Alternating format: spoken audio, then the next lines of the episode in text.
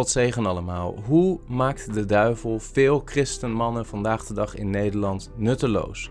Ik krijg regelmatig e-mails van jonge mannen die worstelen met seksuele zonde. En vaak gaat het daarbij ook over internetpornografie en de kracht die die zonde heeft in hun levens. Vandaag wil ik daar kort bij stilstaan, eigenlijk met name om te bemoedigen, maar ook om te vermanen en het belang van het overwinnen van deze zonde aan jullie te laten zien.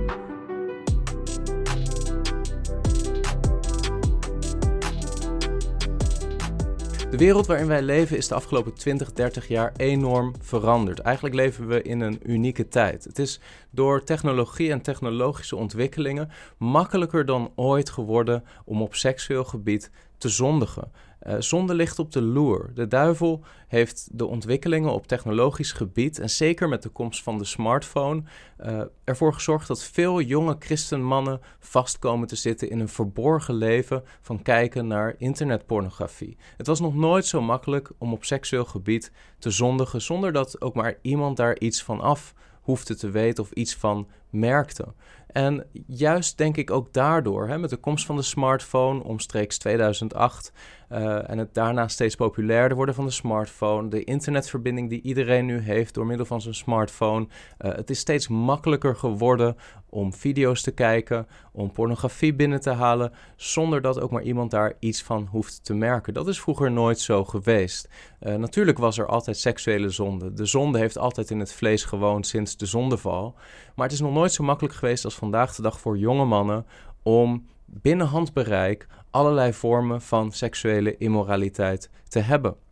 En dat maakt ook dat veel jonge mannen, ook in kerken in Nederland, hierin verstrikt raken. Dat vormt vervolgens een belemmering in hun geweten en maakt ze ook krachteloos in hun geestelijk leven. Maakt ze zwak, maakt ze nutteloos rondom bediening in de kerk. En dat zeg ik niet om, om te beschuldigen, want we zijn allemaal zondaren. We hebben allemaal gezondigd. Als het niet op dit terrein is, dan wel op andere terreinen. Wat dat betreft zijn we allemaal als christenen uh, volledig afhankelijk van het werk van de Heer Jezus Christus voor vergeving, maar ook voor overwinning van zon in ons leven. Ik zeg dit dus ook niet en ik thematiseer dit ook niet om uh, iemand een schuldgevoel te bezorgen. Veel mensen en zeker veel mannen die worstelen met deze zonde, die in een christelijke context zitten, die worstelen al heel erg vaak met hun geweten hieromtrent. Maar juist daarom wil ik dit onderwerp aankaarten. Want ik geloof dat de duivel dit meer dan enig ander ding gebruikt om jonge mannen te belemmeren om Jezus te dienen en om vrucht te dragen in hun levens. God heeft seks gemaakt als iets goeds, als een goede gave om van te genieten binnen de kaders van het huwelijk tussen één man en één vrouw. Maar buiten die kaders spreekt de Bijbel bij iedere vorm van seksualiteit buiten het huwelijk van seksuele immoraliteit dat het een ernstig probleem is. Dat, dat seksuele zonde iets ernstigs is in Gods ogen. En dat ook internetpornografie kijken daaronder valt en iets ernstigs is, blijkt wel uit wat Jezus zegt in Matthäus hoofdstuk 5, vanaf vers 27. Daar wil ik een stuk lezen. Jezus zegt daar: U hebt gehoord dat tegen het voorgeslacht gezegd is: U zult geen overspel plegen. Maar ik zeg u dat al wie naar een vrouw kijkt om haar te begeren, in zijn hart al overspel met haar gepleegd heeft. Als dan uw rechterhand u doet struikelen, ruk het uit en werp het van u weg, want het is beter voor u dat een van uw lichaamsdelen te gronden gaat en niet heel uw lichaam in de hel geworpen wordt. En als uw rechterhand u doet struikelen, hak hem af en werp hem van u weg. Want het is beter voor u dat een van uw lichaamsdelen te gronden gaat en niet heel uw lichaam in de hel geworpen wordt. Als we dit schriftgedeelte goed bekijken, dan zien we dat Jezus hiermee wil laten zien dat het kijken met begeerte naar een andere vrouw dan degene waarmee je getrouwd bent of waarmee je zult trouwen, uh, niet alleen een zonde is, maar een ernstige zonde is. Iedere zonde is ernstig, maar Jezus wil hiermee benadrukken uh, dat dit in Gods ogen iets belangrijks is. En zodanig belangrijk dat Jezus aangeeft: het is beter om je rechterhand af te hakken, van je weg te werpen, dan dat je rechterhand je doet struikelen in zonde. En je als gevolg daarvan het oordeel van God over je heen haalt. Met andere woorden, Jezus laat zien, dit is iets serieus, dit moet je serieus nemen. Het is niet Jezus een doel overigens uh, dat mensen daadwerkelijk hun ogen uitrukken en weggooien, of dat mensen daadwerkelijk hun rechterhand afhakken. Dat is niet Jezus zijn punt. Zijn punt is wel dat deze zonde zeer serieus genomen moet worden, zoals met elke andere zonde eigenlijk ook. Nu zou je misschien kunnen zeggen, ja, maar ik ben nog niet getrouwd en uh, ik heb nog helemaal geen vrouw, dus ik kan geen overspel plegen. Maar bijbels gezien Um, is God ervan op de hoogte dat je misschien op een dag wel een vrouw zult hebben. En ook in de jaren voordat je die vrouw zult vinden en ze op je pad komt, uh, is het kijken naar internetpornografie nog steeds een vorm van overspel tegen de vrouw die je op een dag zult trouwen. Dus we leren uit de bergreden dat deze zonde, het kijken met seksuele begeerte naar een vrouw, dat het iets is om heel serieus te nemen. Maar dat is niet alleen iets om serieus te nemen omdat het jouw persoonlijke relatie met God negatief beïnvloedt.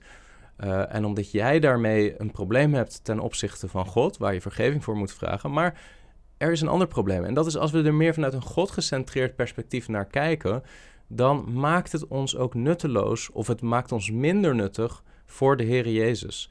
Laten we eens lezen in 2 Timotheus hoofdstuk 2 vanaf vers 20. Daar lezen we: In een groot huis zijn niet alleen voorwerpen van goud en van zilver, maar ook van hout en aardewerk. Sommige zijn voor eervol, maar andere voor oneervol gebruik. In de context, Timotheus spreekt hier over de gemeente van de Heer Jezus Christus. En hij geeft aan dat in de gemeente van Jezus Christus, ook onder ware gelovigen, sommige vaten vaten zijn voor eervol gebruik en sommige voor oneervol gebruik. En dan staat in vers 21, als iemand zich dan hiervan reinigt, zal hij een voorwerp zijn voor eervol gebruik, geheiligd en van veel nut, daar gaat het mij om, van veel nut voor de Heer, voor elk goed werk gereed gemaakt. Dus Paulus spoort Timotheus aan. Timotheus, zorg ervoor dat je een gereinigd en geheiligd vat bent in de context van de gemeente van Jezus Christus, zodat je voor de Heer van veel nut bent, zodat je voor veel goed werk gereed gemaakt bent. Dit is net zo goed vandaag de dag voor ons van toepassing. Als jij een jonge man bent in de gemeente die daar opgroeit, weet dan dit. God wil dat jij van veel nut bent voor de Heer. Dat je voor elk goed werk gereed gemaakt bent. Maar op het moment dat je seksuele zonde toelaat, gedoogt in je leven en blijft kijken naar internetpornografie, dan verontreinigt je dat op zo'n manier dat je niet zo nuttig meer bent voor de Heer. Dat je niet klaar bent voor elk goed werk. Veel christelijke mannen weten dat ook. En wanneer gevraagd wordt: hey, wie wil er komende zondag deze of deze taak vervullen in de gemeente? Dan zullen jonge mannen die worstelen met dit probleem waarschijnlijk in hun geweten dermate tegengehouden worden dat ze niet zo snel hun hand zullen opsteken. Dat is jammer, omdat juist mannen geroepen zijn om in de gemeente van Jezus Christus leidende rollen aan te nemen en het woord te prediken. Dus dit is een hele een sluwe manier waarop de duivel ervoor zorgt dat veel jonge christelijke mannen in de gemeente niet zo nuttig zijn als dat ze hadden kunnen en misschien wel hadden moeten zijn. En dan zegt Paulus erachteraan in 2 Timotheüs 2 vers 22, maar ontvlucht de begeerten, ontvlucht de epitumias, de begeerten van de jeugd. Jaag rechtvaardigheid, geloof, liefde en vrede na, samen met hen die de Here aanroepen uit een rein hart. Straks zullen we nog iets meer kijken naar dit vers, maar in dat vers, 2 Timotheus 2 vers 22, zit eigenlijk, zitten twee hele belangrijke principes om um, deze zonde, de zonde van het kijken naar internetpornografie, te overwinnen. Daar zullen we zo bij stilstaan. Maar wat, wat zijn uh, mijn adviezen voor de jonge man, de christen, die worstelt met seksuele zonde? Specifiek met het kijken naar internetpornografie, met een verborgen leven. Nou, allereerst een aantal principes. Ik heb ongeveer vijf principes. Eerste principe. Weet dat dit ook een ernstige zonde is. Neem dit niet lichtzinnig op. Dat lezen we ook in Matthäus hoofdstuk 5. Maar Jezus laat zien dat iedere zonde is ernstig. Maar ook dit specifiek. Hè, de begeerte van de ogen, de, de begeerte van het vlees. Het kijken naar internetpornografie in zichzelf is een vorm van seksuele immoraliteit. En het is een ernstige zonde. Dat is wat Jezus laat zien. En dan kan je zeggen: ja, maar Chris, ik doe daar toch niemand mee kwaad. Dit is een groot misverstand wat, wat, wat veel niet-christenen ook hebben rondom het concept van zonde. Zonde is niet zondig in de eerste plaats omdat je een ander mens daarmee kwaad doet. Zonde is zondig vanuit een God-gecentreerd christelijk wereldbeeld, omdat Gods doel met jouw leven niet bereikt wordt. Dat is waarom zonde zondig is. De mens is geschapen als beelddrager van God om zijn heerlijkheid te weerspiegelen. Op het moment dat de mens leeft in een leefstijl die zijn heerlijkheid, de heerlijkheid van God, niet weerspiegelt, dan mist hij zijn doel. En dat is de essentie van zonde. Het is dat je God niet lief hebt zoals God jou gemaakt heeft om Hem lief te hebben, om Zijn heerlijkheid te weerspiegelen. Um, dus wij noemen iets niet zonde in de eerste plaats omdat je een ander mens ermee beschadigt. Overigens kunnen we best beargumenteren dat kijken naar internetpornografie wel degelijk jezelf beschadigt, maar ook je toekomstige partner beschadigt en jullie toekomstige relatie beschadigt. Maar dat even terzijde. Het punt is, zonde is niet in de eerste plaats zonde omdat je een ander beschadigt of jezelf beschadigt, maar omdat je als beelddrager van God niet datgene doet waartoe God je gemaakt heeft, namelijk zijn beeld, zijn heerlijkheid, zijn heiligheid weerspiegelen. Dus dat is het eerste punt. Dit is een ernstige zonde. Neem dat ter harte. Twee, weet dat God je altijd wil vergeven wanneer je tot Hem gaat en je hiervan wilt bekeren. Er zijn veel jonge mannen die hier keer op keer in vallen. God wil je ook keer op keer vergeving schenken. Jezus heeft dat zelf ook onderwezen aan zijn discipelen. Als iemand tot u zondigt en hij komt zevenmaal op een dag tot u, vergeef hem dan zevenmaal. Ik heb de tekst er nu niet bij, maar we kennen allemaal die tekst. En wanneer zijn discipelen vragen aan Jezus: Hoe vaak moet ik mijn broeder vergeven wanneer hij tot mij zondigt? Zevenmaal. Dan zegt Jezus niet zevenmaal, maar zevenmaal zeventigmaal. Dus 490 keer. Het punt van Jezus is: vergeef altijd. En God is ook een God die, wanneer wij tot Hem komen, met berouw en inbekering ons altijd zal vergeven. Er is geen zonde te groot. We hebben het vorige week gehad over de onvergeeflijke zonde van lastering tegen de Heilige Geest. Maar het probleem bij die zonde is ook dat mensen niet meer zich willen bekeren, niet meer tot Hem zullen gaan. Maar wanneer jij tot Hem gaat, berouw hebt van je zonde en je daarvan bekeren wilt, dan is God ook altijd bereid om jou vergeving te schenken door het werk van zijn Zoon Jezus Christus. Daarvan lezen we in Hebreeën hoofdstuk 4. Hè, een tekst die ik vaak met jullie heb bekeken, Hebreeën 4, vers 16. Laten wij dan met vrijmoedigheid naderen tot de troon van de genade, opdat wij barmhartigheid verkrijgen. Barmhartigheid. Dat wil zeggen, de Heer Jezus en de Vader, Hij wil ons vergeven. Hij wil ons vergeving schenken voor iedere zonde.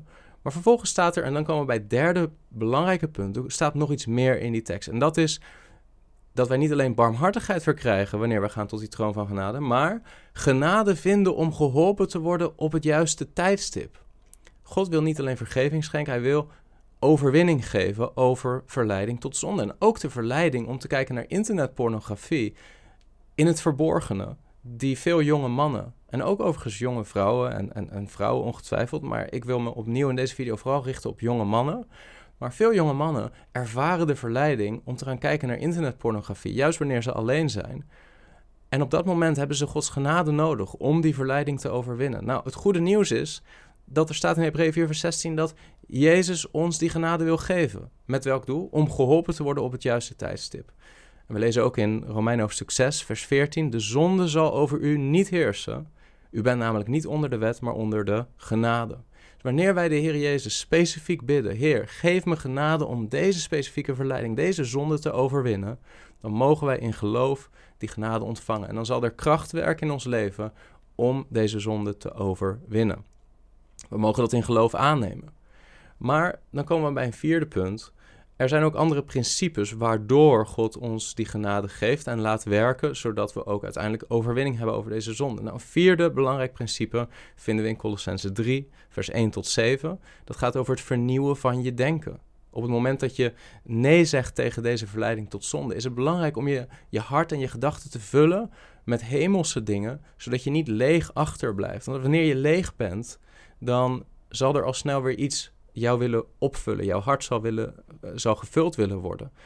In Colossense 3, vers 1 tot 7 lezen we dit. Als u nu met Christus opgewekt bent, zoek dan de dingen die boven zijn waar Christus is, die aan de rechterhand van God zit. Bedenk de dingen die boven zijn en niet die op de aarde zijn. Want u bent gestorven en uw leven is met Christus verborgen in God.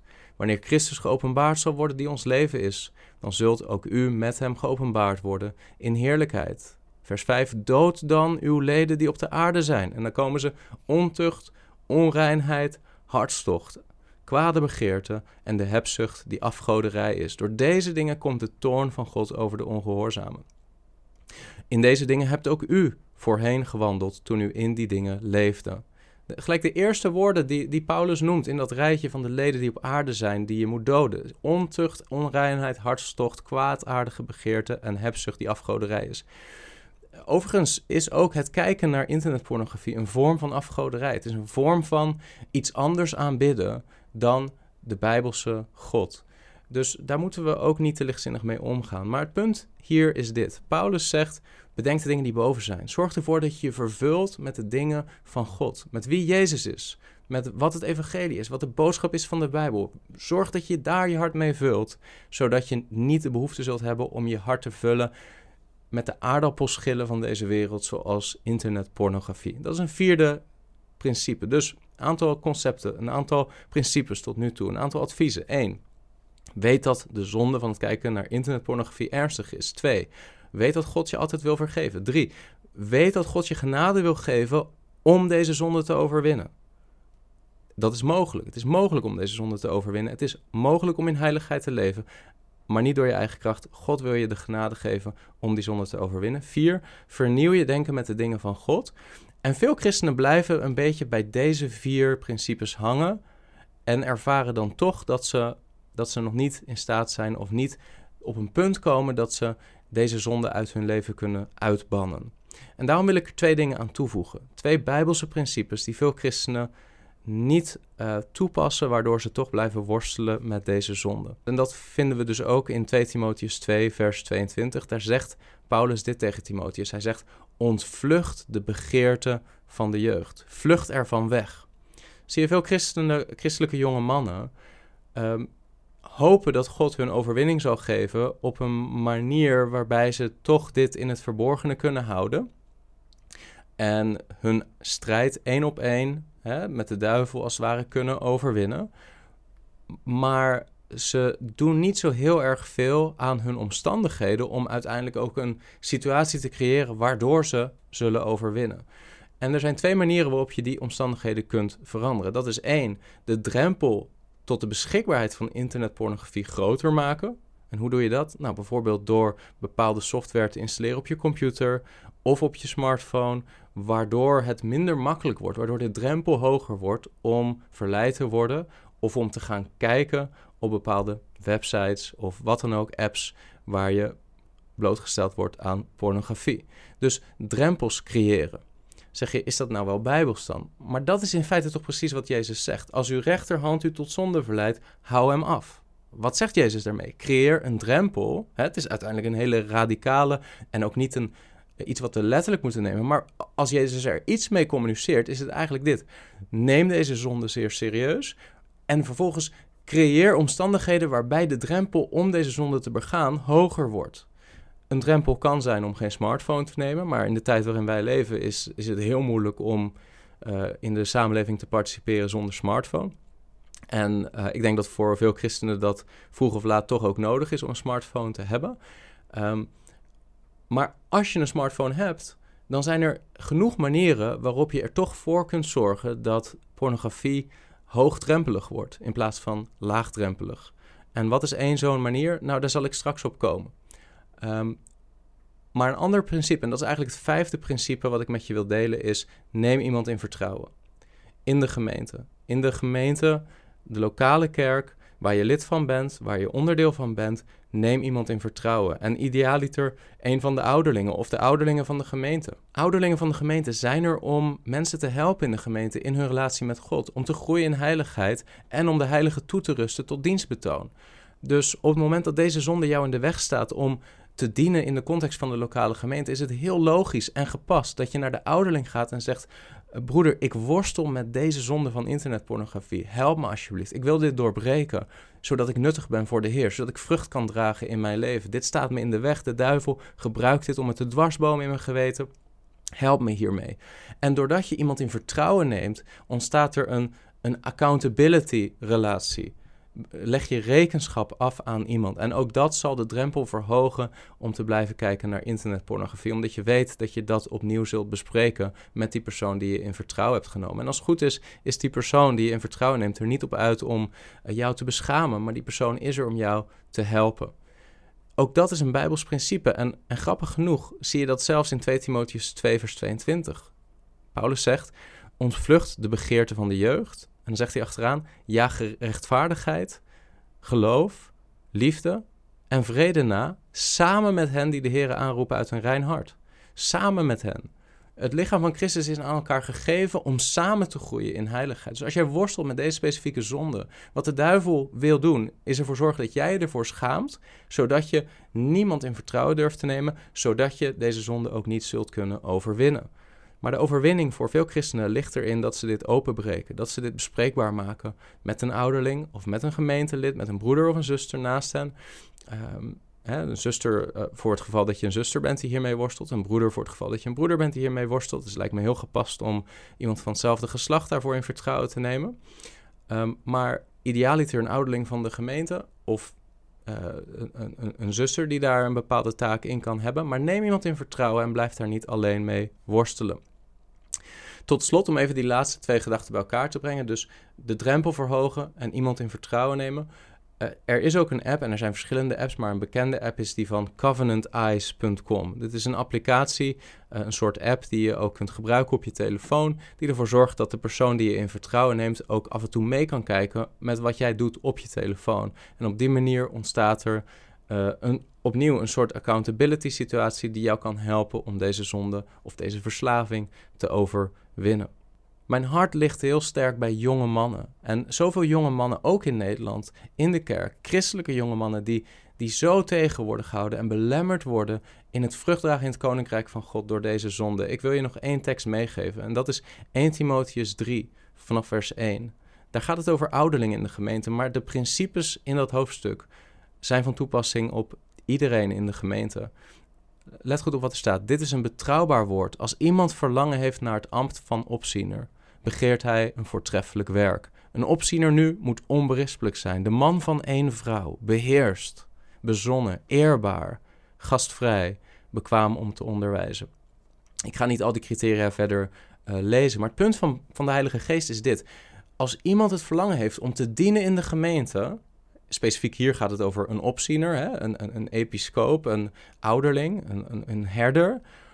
Maar het principe is natuurlijk van toepassing op allerlei bedieningen in het Koninkrijk van God. Op het moment dat je het verlangen hebt om de Heer te dienen, dan zegt de Heilige Geest erachteraan wel, er zijn wel bepaalde kwalificaties. Er zijn bepaalde karaktereigenschappen waar je eerst aan moet werken voordat je geroepen kunt worden en kunt functioneren in een bediening in het Koninkrijk van God.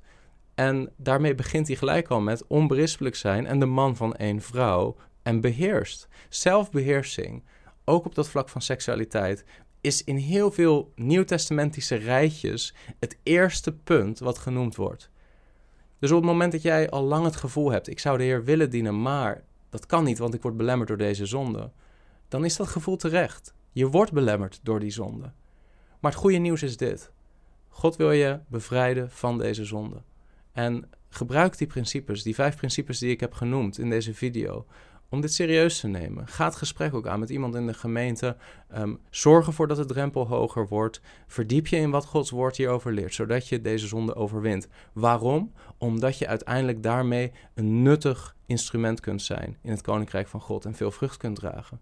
En dat is uiteindelijk waartoe je geschapen bent. We leren uit 1 Timotheus hoofdstuk 3 dat uh, trouw zijn in de kleine dingen uiteindelijk nodig is om gesteld te worden over de grote dingen. En dat is een concept wat ook Jezus leert, bijvoorbeeld in Lucas 16, vers 10. Wie trouw is in het minste, is ook in het grote trouw.